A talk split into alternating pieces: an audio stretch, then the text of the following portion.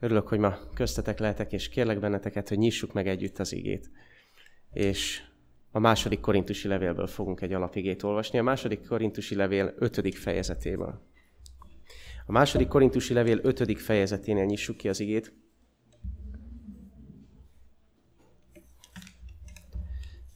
És egyetlen egy verset olvasok alapigeként. Második korintusi levél ötödik fejezet, tizedik verse. Második korintusi levél, ötödik fejezet, tizedik verse így szól. Remélem mindenki inkább a saját bibliájából olvassa. Azért jó, hogy ki van vetítve. Mert nekünk minnyájunknak meg kell jelennünk a Krisztus ítélőszék előtt, hogy kiki megjutalmaztassék a szerint, amiket a testben cselekedett, vagy jót, vagy gonoszt. Mert nekünk minnyájunknak meg kell jelennünk Krisztus ítélőszék előtt, hogy kiki azaz mindenki megjutalmaztassék azt szerint, amiket etesben cselekedett. Vagy jót, vagy gonoszt. Egyetlen egy kérdésem van ma. Testvérem, készen állsz-e megállni Krisztus ítélőszék előtt? Készen vagy-e megállni az ítélőszék előtt? Egyáltalán szabad-e ilyet kérdezni 2021-ben, amikor sokkal kellemesebb üzenetekre van ráhangolódva a keresztény emberfüle? Sőt, mondhatnánk, beszéltünk is erről talán múlt héten, hogy senkit nem lehet a mennybe beijeszteni, ugye? Kapd össze magad, mert elkárhozol. Ez nem evangélium. És gondolom, tudjátok, hogy nem ez a célom, amikor megkérdezem, hogy készen vagy a Krisztus ítélőszék előtt megállni. De az a helyzet, hogy ezeket a kérdéseket fel kell tenni akkor is, hogyha 2021-ben már nem divatosak. Lehet, hogy le kell porolnunk ezeket a régi kérdéseket, mert Pál nem tágít. Azt mondja, nekünk, minnyájunknak meg kell jelennünk Krisztus ítélőszék előtt. Hogy ki ki megjutalmaztassék. De azt szerint, amiket a testben cselekedett, mit vizsgál Jézus az ítéletben? Mit mond ez az ige? Mit vizsgál Jézus az ítéletben? Előttetek van a Biblia? Ki is lehet vetíteni egyébként újra az igét, de még jobban örülök, hogyha előttetek van a könyv. Vagy a telefon, bármi. Nem azt vizsgálja, hogy hittél-e nekem? Nem azt szoktuk mondani, hogy hit és egyedül hitáltal. Hogyan jutunk a mennybe? Egyedül hitáltal. Csak vannak ezek a bosszantó igék, amikor azt mondja, hogy, hogy megnézi a cselekedeteinket. Vannak ezek a bosszantó igék, amikor Salamon azt mondja, hogy minden cselekedetet előhoz, akár jó, akár gonosz legyen, az mindent napfényre hoz. Vannak ezek a zavaró dolgok, hogy íme én eljövök, és az én jutalmam velem van, és mindenkinek megfizetek azt szerint, ami, amit cselekedett. Mi alapján van az ítélet? A cselekedetek alapján, testvéreim, ne keverjük össze, a megigazulás hitből van. Azaz Jézus a hited alapján mondja azt, hogy nem vagy bűnös, hanem igaz vagy. Hittél, nekem igaz vagy de a legvégén meg fogja kérdezni, hogy mit kezdtél azzal a kegyelemmel, amit adtam. Van-e második esély? Mit mond ez az ige? Van második esély? Ja, nem az életben második esély, mert mindig van, az Úrnál mindig van, amíg ezen a földön élünk. De figyeljétek, azt mondja, e testben. Tehát a Biblia nem ígér reinkarnációt. A Biblia nem ígéri azt, hogy purgatóriumban majd megtisztul, sőt, azt sem ígéri, hogy szellemként majd visszajöhetsz, és a múlt dolgait rendbe rakhatod. Nem, azt mondja e testben, itt most. Van-e protekció, kiváltság, speciális elbánás? Kiskapu kivétel, Péter Jakab János előbb jut a mennybe. Pál. Ja nem, Pál azt mondja, hogy mit mond? Nem, előzzük meg a többieket, ugye? Azt mondja, minnyájunknak meg kell állnunk. Tudjátok, hogy mindenkinek meg kell állni az ítélőszék előtt. Ott nincsenek protekciósok, ott nincs a elnök úr ismerőse, meg stb. Nem politizálok, csak látjátok? Istennél nincs olyan, hogy megvesztegetni, nem lehet lefizetni minnyájunknak meg kell jelennünk előtte, nincs kivétel, nincs speciális elbírálás. És honnan veszi Pál, hogy meg kell állnunk Krisztus ítélő széke előtt? Van egy nagyon hosszú ige szakasz, nem fogjuk az egészet kivetíteni, ezért kértem, hogy ha lehet, legyen nálatok Biblia, ez Máté Evangélium a 25. fejezete. A 31-től 46. verset fogom nagyon kivonatosan olvasni, de szerintem mindannyian nagyon jól ismerjük, nagyon ismert ige szakasz. Jézus utoljára megy Jeruzsálembe. Utolsó Jeruzsálemi útja, az utolsó hete igazából, halála előtt. És sír Jeruzsálem felett, Máté 23. Elmondja a végidő eseményeit, Máté 24, kinn az olajfák hegyén. És aztán elmondja Máté 25. fejezetében a tíz szűz példázatát, és végül azt a jelenetet, amire itt Pál utal. A 31. verstől kezdve olvasom. Máté 25.31. Mikor pedig eljön az embernek fia. Kicsoda ő? Ki ő? Ki az ember fia? Jézus. Akkor nálunk van a fonál. Mikor eljön az embernek fia az ő dicsőségében, mi ez az esemény? Hangosan. Jó mondjátok. A? Második eljövetel. Bátran, jó? Jézus második eljövetele. Amikor eljön az embernek fia az ő dicsőségében, és vele mind a szent angyalok, akkor majd beül az ő dicsőségének királyi székébe. És elég gyűjtetnek mind a népek, és elválasztja őket egymástól, mint a pásztor elválasztja a jókat a kecskéktől. Egyik a jobb keze felől, a másik a bal keze felől, és azt mondja a juhoknak, a jobb keze felől állóknak. Gyertek, én atyámnak áldotta, örököljétek az országot. Miért? Miért? Mert hittetek nekem. Mert hívők vagytok. Mert hitvallást tettetek. Nem. Azt mondja, mesztelen voltam, felruháztatok, beteg voltam, meglátogattatok, fogoly voltam. Ezek micsodák? Tettek. Ezek jó tettek. És így felelnek neki az igazak. Uram, ezért igyekeztünk. Ezért igyekeztünk ezeket a jó tetteket mind végrehajtani, hogy a végén ezt hallhassuk tőled. Ámen. Hagy menjünk be. Nem. Majd, hogy nem naívan néznek a juhok, és azt mondják, Uram, nem értem, miről beszélsz. Nem tudom, miről van szó. Mikor láttuk, hogy éheztél és tápláltunk volna, szomjaztál, innodattuk volna, hogy jövevény voltál, hogy, hogy mesztelen voltál, hogy fogoly lettél volna. Nincs ilyen emlékünk. És ekkor Jézus azt mondja, ha a legkisebben megtettétek, akkor velem tettétek meg.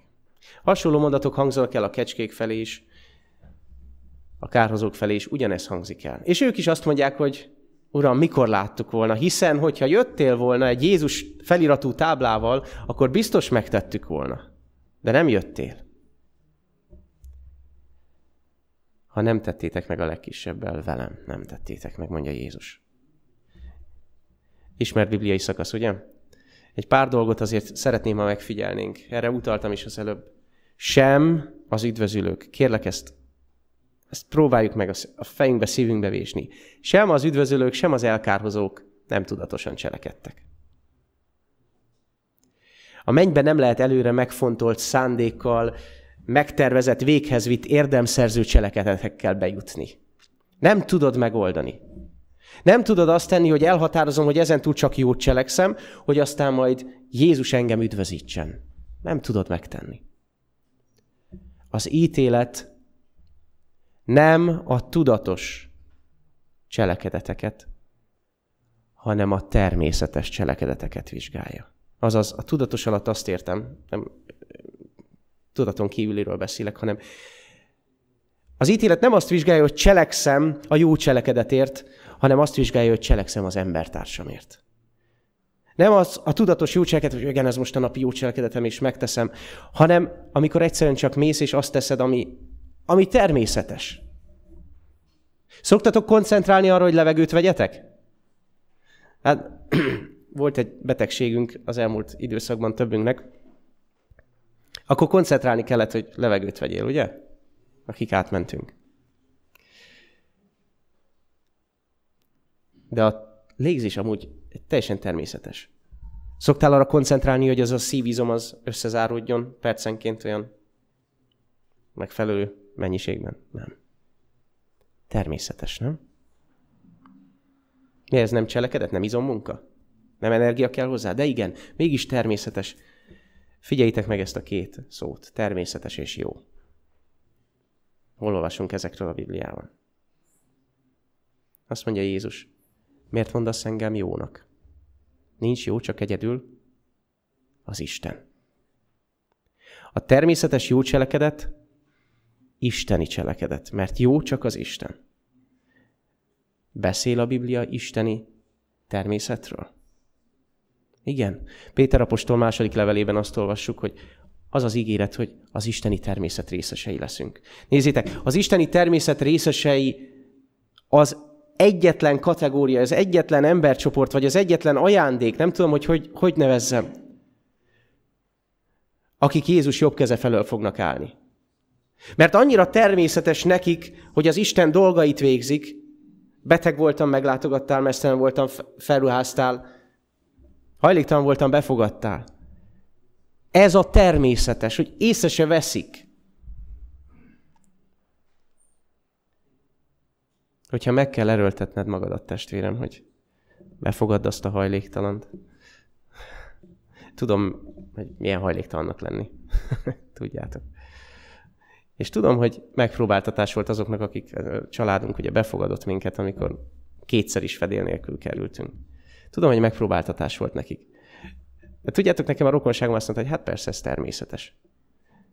Megpróbáltatás, de nem megerőltetés abban az értelemben, hogy most az érdemek miatt tették volna. Ha Isten természetének részesei vagyunk, akkor az a természetes, amit ő tesz. Hogyha nem természetes a jó cselekedetünk, van egy rossz hírem. Akkor a rossz kész felől állunk. Mikor játszódik ez a jelenet? Mikor játszódik az a jelenet, hogy Jézus beleül a dicsőség királyi székébe? Az ő második eljövetelekor. Na most, ha második eljövetelekor érkezik, és beül a királyi székbe, akkor mit akar nekünk ezzel mondani, hogy eljön és beül az ő dicsősége királyi székébe? Miért eddig nem ült? Miért kell beleülni a dicsőség király? Nem a trónon jön el?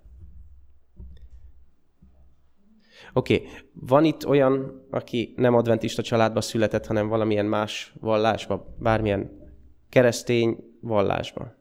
Van köztünk református vagy katolikus hátterű? Rendben. Van köztünk olyan, aki ismeri a protestánsok által is elfogadott apostoli hitvallást, a hiszek egyet. Ismerjük? Mit mond a hiszek egy Jézusról? Hiszek egy Istenben, stb. És hiszek Jézus Krisztusban, és aki, csak a végét mondom, fölment a mennybe, mit csinált? Ugye a katolikus kicsit más, vagyis a katolikusok is elfogadják ezt, de felolvasom mind a kettőnek a végét, jó? A katolikus az katolikus protestáns között van átfedés, meg az ortodox és katolikus között is. Az apostoli hitvallás így szól, ez a rész fölment a mennybe, ott ül a mindenható Atya Isten jobbján, onnan jön el ítélni élőket és holtakat. Protestánsok rá ismernek? Igen. A nikai konstantinápai hitvallás pedig így szól, amit az ortodoxok is elfogadnak. Fölment a mennybe, ott ül az atyának jobbján, de újra eljön dicsőségben. Ítélni élőket és holtakat, és országának nem lesz vége. Így van? E, ez a ez, amit most felolvastam, ez van benne a latin misében is, a krédóban. Hol a hiba?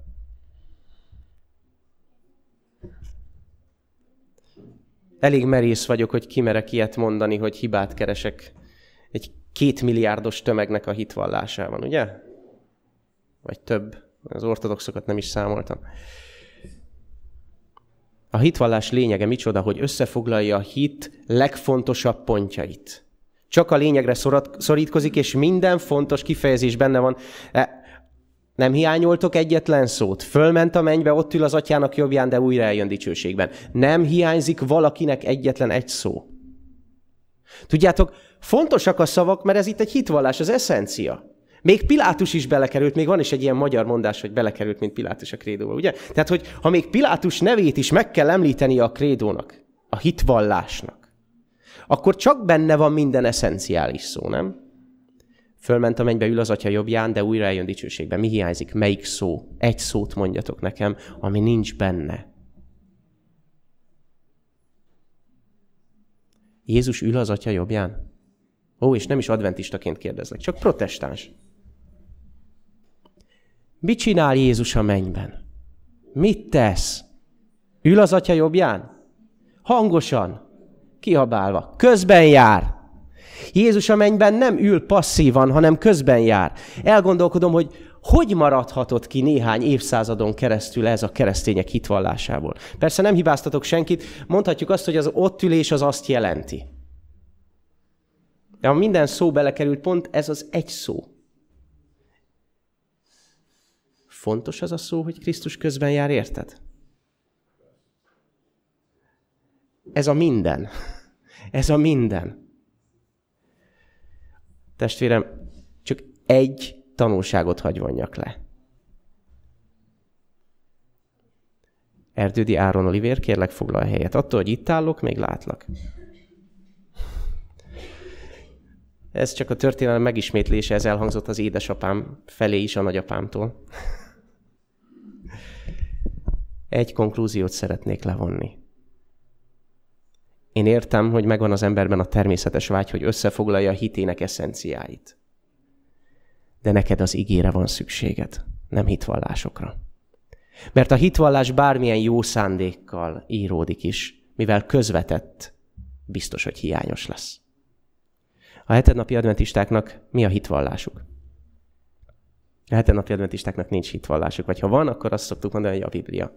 Ellen vagy még egy dolgot mond. A Biblia Mégpedig minek a fényében? Az egység fényében. Azt mondja, ha van krédunk, akkor az az. Egyeknek kell lennünk. Egyeknek kell lennünk. Keressétek az egységet. Érzitek a súlyát? Azt mondja, ha van hitvallásunk, akkor az legyen az egység. A hetedapi adventisták hitvallása a Biblia, és a viselkedésük hitvallása az, hogy keresik az egységet. A legjobb szándékkal megfogalmazott hitvallás is hiányos lesz. Konkrétan a Bibliára van szükségünk. Jézus a közben járó. És kimaradt ez az egyetlen szó, nem pusztán leült az atya jobbján passzívan, hanem azért ült oda, azért foglalt helyet az atya jobbján, a hatalom jobbján, hogy közben járjon értünk. Azt olvasom a zsidókhoz írt levél 7. fejezet 25. versében, hogy ő mindenképpen üdvözítheti is azokat, akik általa járulnak Istenhez, mert mindenkor él, hogy? Anyákat kérdezem, szok, volt ilyen, hogy átfutott a gondolatotokon az az érzés, hogy a gyermekeimért élek? Férfiak, titeket kérdezlek, volt már, hogy átfutott a gondolatotokon az, hogy a munkámért élek, mert azt élvezem, és az büszkeséggel tölt el, és megmutatom. Jézus miért él? Nézd meg, Jézus miért él. Azért él, hogy esedezzen, hogy közben járjon, érted? A végtelen Isten végtelen fia.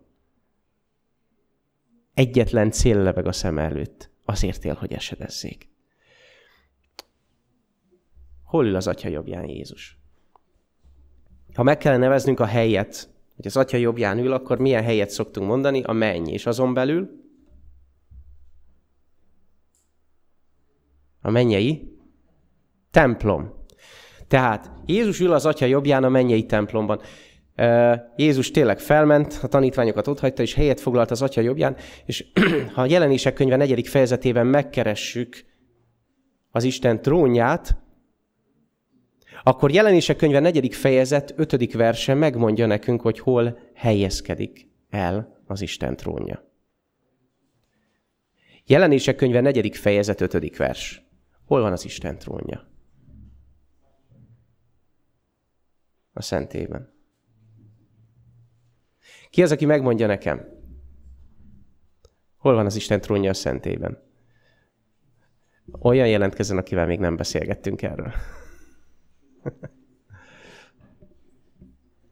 Olyan jelentkezzen, aki most erre az ígére ránézett, és egyszer csak leesik. A királyi székből villámlások, mennydörgések jöttek ki, a második felét nézzétek. Hét tűzlámpás égett a királyi székkel átellenben, szemben, előtt. Hol van az a trón, ahol az atya és a fiú ül? A Friládánál? Azt mondja, hogy Bemész keletről. Balra esik a aranygyertyatartó, jobbra esik valami más, szembe van egy kis aranyoltár, és mész tovább, és ott van a frigyláda. Hol az Isten trónja? Ahol Jézus helyet foglal az Atya jobbján.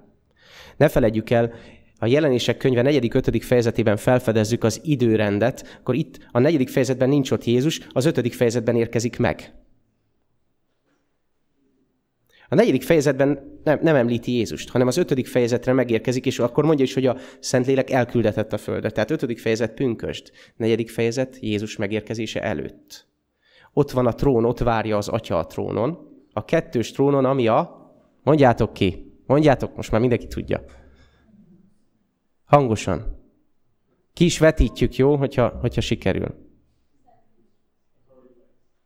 Hm? Igen, az első fele, igen, de szemben a gyertyatartóval mi van? A szent kenyerek asztala. Ha nem sikerül kevetíteni, az sem baj. A szent kenyerek asztala, ah, de sikerül kivetíteni. Jól nézzétek meg, megpróbáljuk a képet kitenni. Hogy néz ki a szent kenyerek asztala? Teljes képernyő? Majdnem jó. Oké. Okay. Mondjátok el fejből, úgy is ismeritek. Hogy néz ki a szent kenyerek asztala? Arany, van rajta kenyér. Hogy van rajta kenyér? Ilyen nagy veknik? Hat, hat. Ugye két stóc kenyér, hat-hat lapos lepénynek írja. Ugye? Lepénynek mondja Mózes harmadik könyve 24. fejezete. A kenyér kit jelképez? Jézus azonosítja.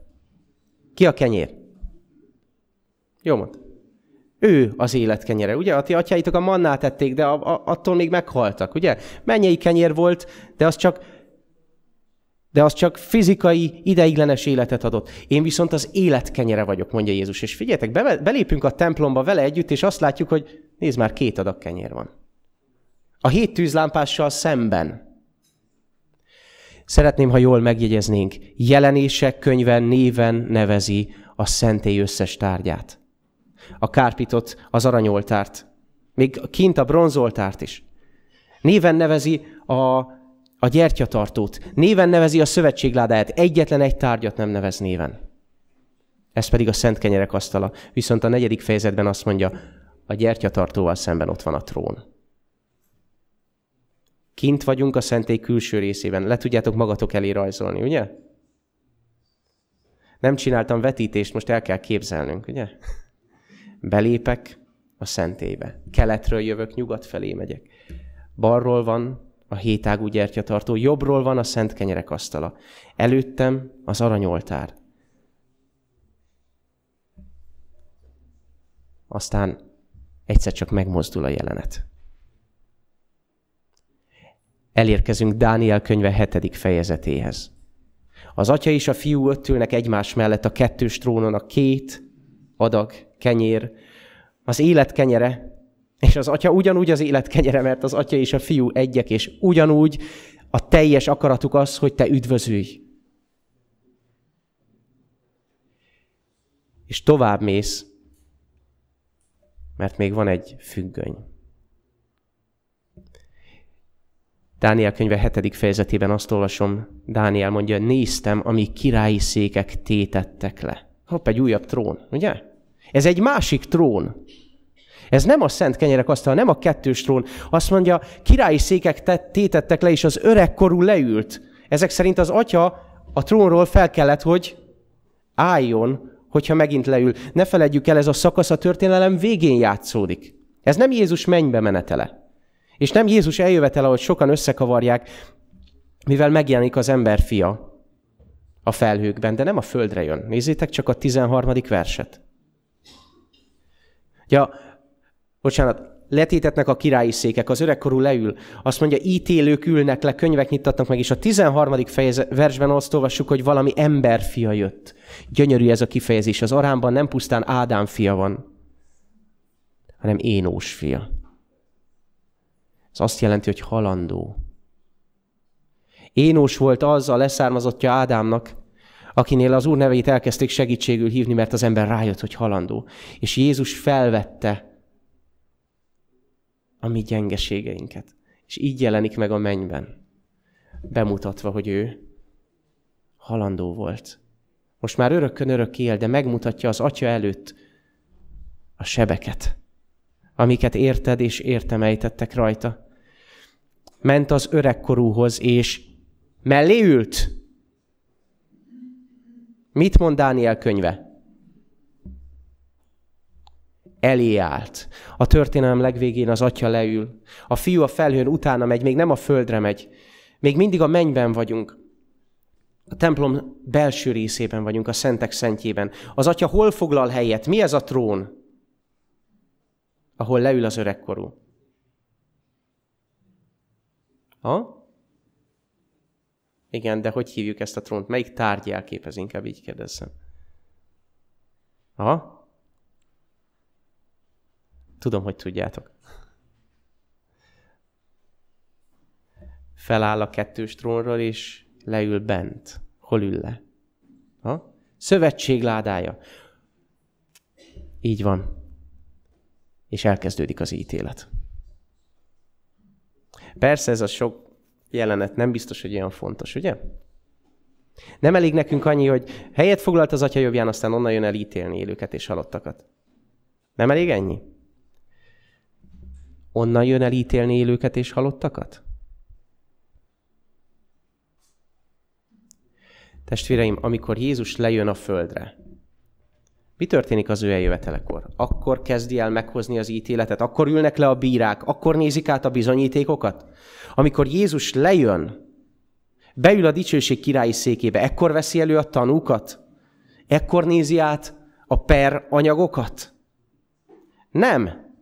Amikor Jézus lejön, ezt olvastuk Máté 25-ben, beül a dicsőség királyi székébe, akkor külön választja a jókat és a kecskét. Miért nem azt mondja, hogy egy nagy nyáj gyűl elé, és akkor elkezdi, várjál, te juh, te kecske. Nem, azt mondja, jó kecskék szét.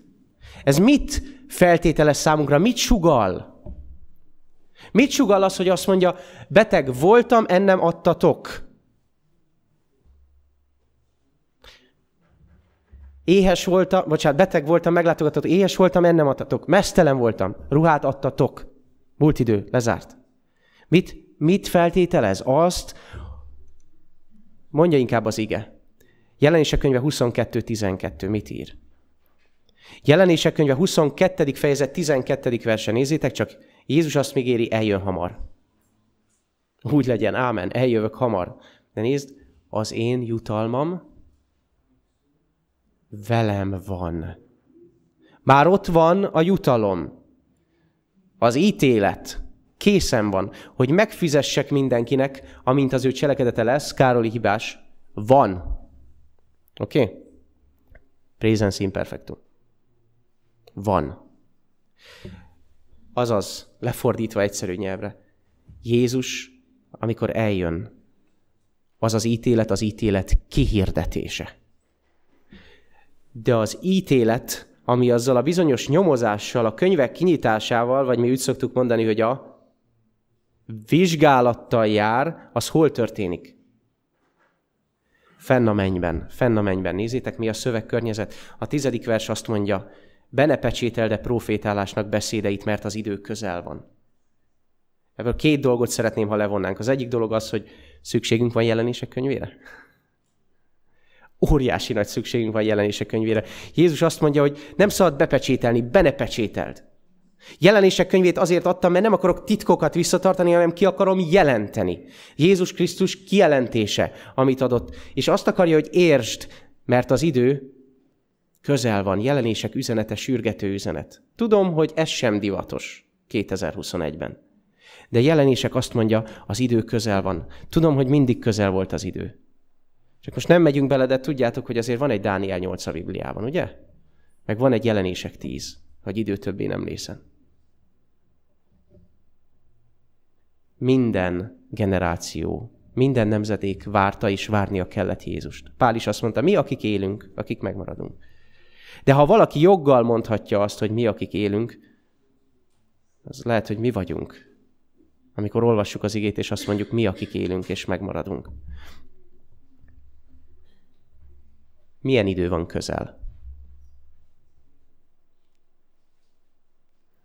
Tizedik verset idéztem, előtte pedig a tizenkettediket, közte van a tizenegyedik. És rakjuk össze egybe. Benepecsételd jelenések könyvét, mert az idő közel van. Minek az ideje van közel? Hogy aki igazságtalan legyen igazságtalan ezután is, aki fertelmes, vagy aki borzalmas. Aki visszataszító legyen az ezután is. Aki igaz legyen igaz ezután is, és aki szent, szenteltessék meg ezután is. Íme hamar eljövök, és az én jutalmam velem van, hogy megfizessek mindenkinek, az szerint, amint a cselekedete van. Testvérem, kész vagy-e megállni Krisztus ítélőszéke előtt? Megvizsgálja a cselekedeteidet, és előtte, mielőtt eljönne, ez a vizsgálat véget ér, és tesz egy kijelentést. Ha igaz vagy, helyettesíts be a nevedet. Ha igaz vagy Erdődi Péter, akkor légy igaz ezután is. De ha nem, akkor itt a vége. És csak utána jön el. Azt a jellemrajzot, amit jelenése könyve 14. fejezetében látunk, a szobrászmester, az átszegzett kezű szobrász itt a földön alakítja ki. Az igazi nagy művész, a mester az ecsetvonásokat itt akarja ráhelyezni a jellemedre. Jelenések könyve 14. fejezetében azt olvassuk, hogy ott van egy tömeg, akinek a homlokán az atya neve van. Akiknek tiszta, fehér a ruhájuk, mert a bárány vérében megmosták azt. Azt látjuk, hogy áron vétettek meg a földről. Követik a bárányt, valahová megy. Szájukban nem találtatik álnokság erről, hogy néhány hónappal ezelőtt tartottam itt hirdetést, talán emlékeztek, hogy ez Jézusnak a jellemzője. Róla olvassuk, hogy pedig nem találtatott álnokság az ő szájában, mint bárány, amely mészák székre vitetett. És azt mondja, az Isten, mi az utolsó mondat? Az Isten királyi széke előtt fedhetetlenek. Testvéreim, ez a jellemrajz, ez itt a földön kell, hogy megszülessen. Itt a földön állsz az Isten királyi széke előtt. Itt a földön kell megállnod. Különben az, hogy az én jutalmam velem van, mire Jézus eljön, milyen jutalom? Bűnzsoldja halál? Ilyen jutalomra vágyunk? Ugye nem? Hagy térjek vissza Dániel hétre, egyetlen gondolat erejéig, ami elvisz minket a lezáráshoz, a konklúzióhoz. Mit akadékoskodok? Nem mindegy, hogy Jézus ott ül, ott áll, jobbról ül, balról ül, szembe ül, szembe áll. Itt a trón, ott a trón, nem mindegy. Felment a magasságba, ült az atya jobbjára, onnan jön elítélni élőket és halottakat. Mit mond Dániel? Ki áll az Isten királyi széke előtt? Ugye? Azt mondja Dániel 7, hogy leült az öregkorú, és a, a, a, a halandó fiát, az ember fiát, Énós fiát elé vitték. Leül mellé? Nem. Elé áll. Mikor áll elé Jézus az atyának így, szemtől szemben? Mondjátok az évet, jó adventisták vagyunk, mint tudjuk. 1844. október 22. Ettől még nem megyünk a mennybe. De azért jó képben lenni, hogy az utolsó időkben élünk. Nézzétek csak. Ez az a nap, amikor Jézus odaáll az atya elé. Miért áll oda? Mi kezdődik aznap? Mi kezdődött el 177 évvel ezelőtt? A vizsgálat az ítélet. Mi történne, ha Jézus nem állna így az atya előtt, az ítéletben, hanem leülne mellé? Ki állna ott az Isten trónja előtt az ítéletben? Egyedül. Mondjátok a legrövidebb útot. Hangosan. Én. Én. Nem mi, nem ők, nem ti. Én.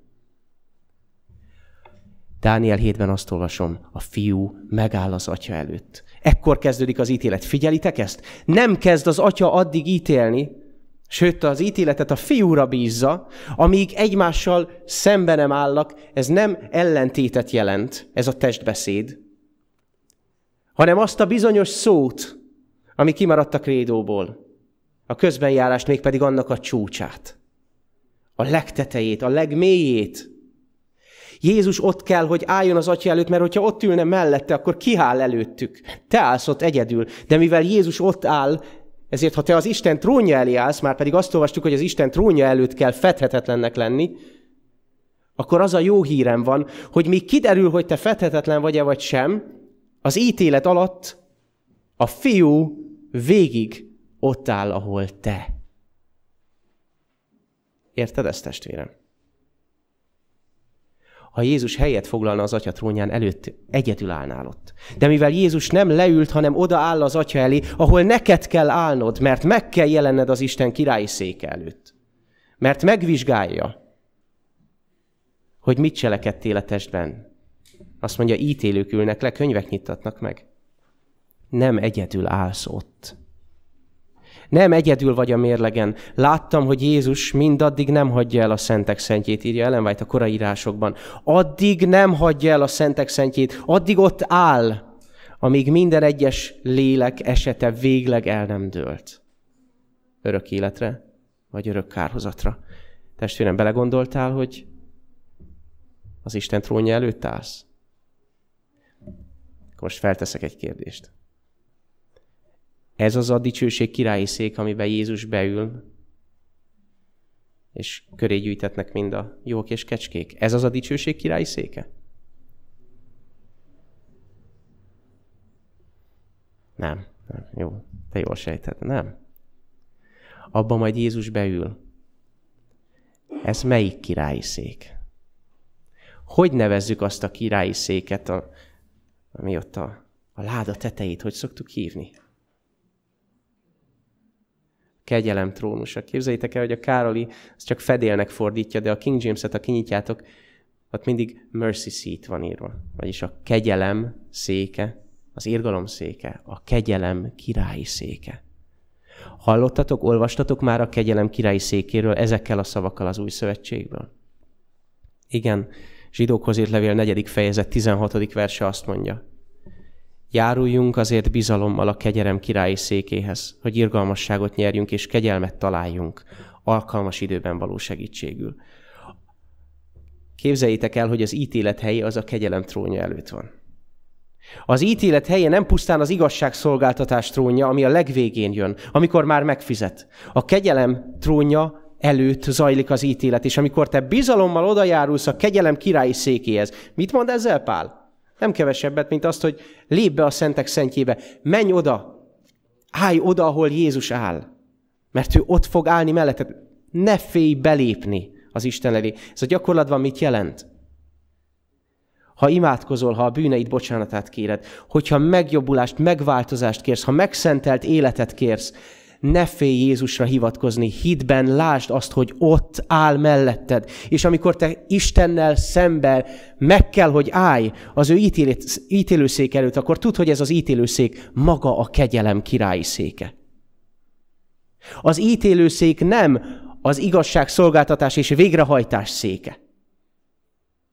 Az majd a fiúé lesz, aki az ügyvéded volt. És reméljük, hogy ez a végrehajtás az lesz, hogy gyere a jobbomra, mert te elfogadtad ezt a kegyelmet. Mert a te cselekedeteid azt tükrözték, hogy én téged megváltottalak. Járuljunk bizalommal a kegyelem királyi székéhez, hogy irgalmasságot nyerjünk és kegyelmet találjunk, figyeljétek a mondat végét, alkalmas időben való segítségül. Fogalmazzátok meg röviden. Egy szóval, két betűvel. Melyik az alkalmas idő? Na még egyszer. Ma. Úgy van. Ugyanez a zsidókhoz írt levél azt mondja, ma, ha az ő szavát halljátok. Ma beléphetsz az Isten trónja elé. Beléphetsz oda, ahol az ítélet zajlik. A te életed felől való ítélet. És tudod, mit fogsz ott találni? Nem a vádiratot,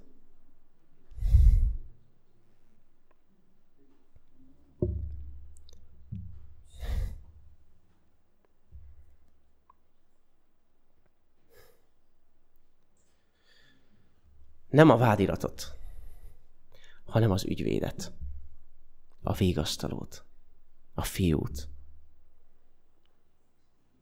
Felemelt kézzel. Aki érted áll.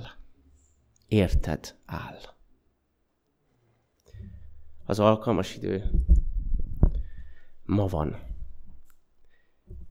És a felhívásom az egy, az egy idézet, mert úgy egyszerűbb.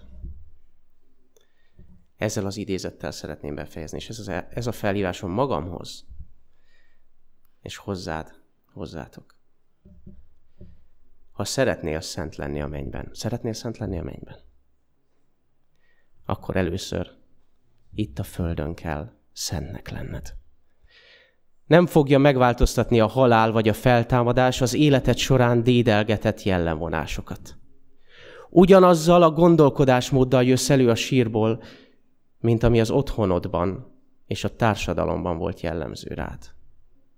Jézus nem változtatja meg a jellemedet eljövetelekor. Most kell elvégezni az átalakítás munkáját. Sorsunkat a mindennapi életünk határozza meg.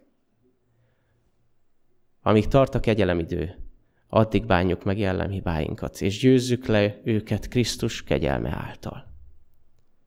Fejleszünk arányos jellemet, hogy alkalmassá váljunk a mennyei lakóhelyre.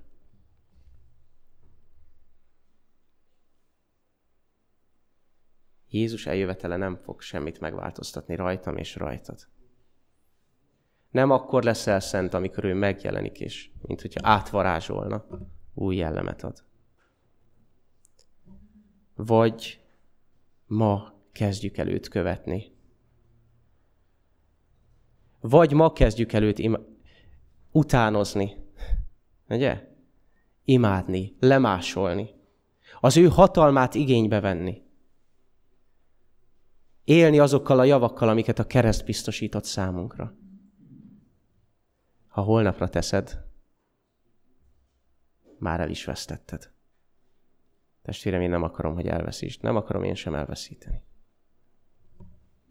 Amíg tart a kegyelemidő, addig bán meg jellemhibáidat és győzd le azokat Krisztus kegyelme által.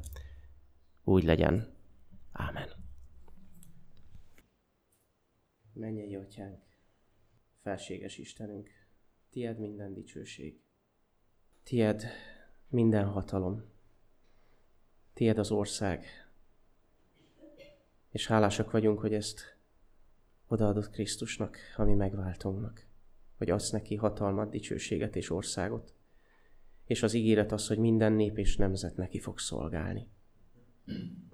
Atyánk, azok között akarunk lenni, akik őt szolgálják örökkön örökké és ezt szeretnénk ma elkezdeni. Köszönjük, hogy Jézus Krisztusban tökéletes megoldást adtál a bűneinkre, hogy a vér eltörli, megsemmisíti a bűneinket.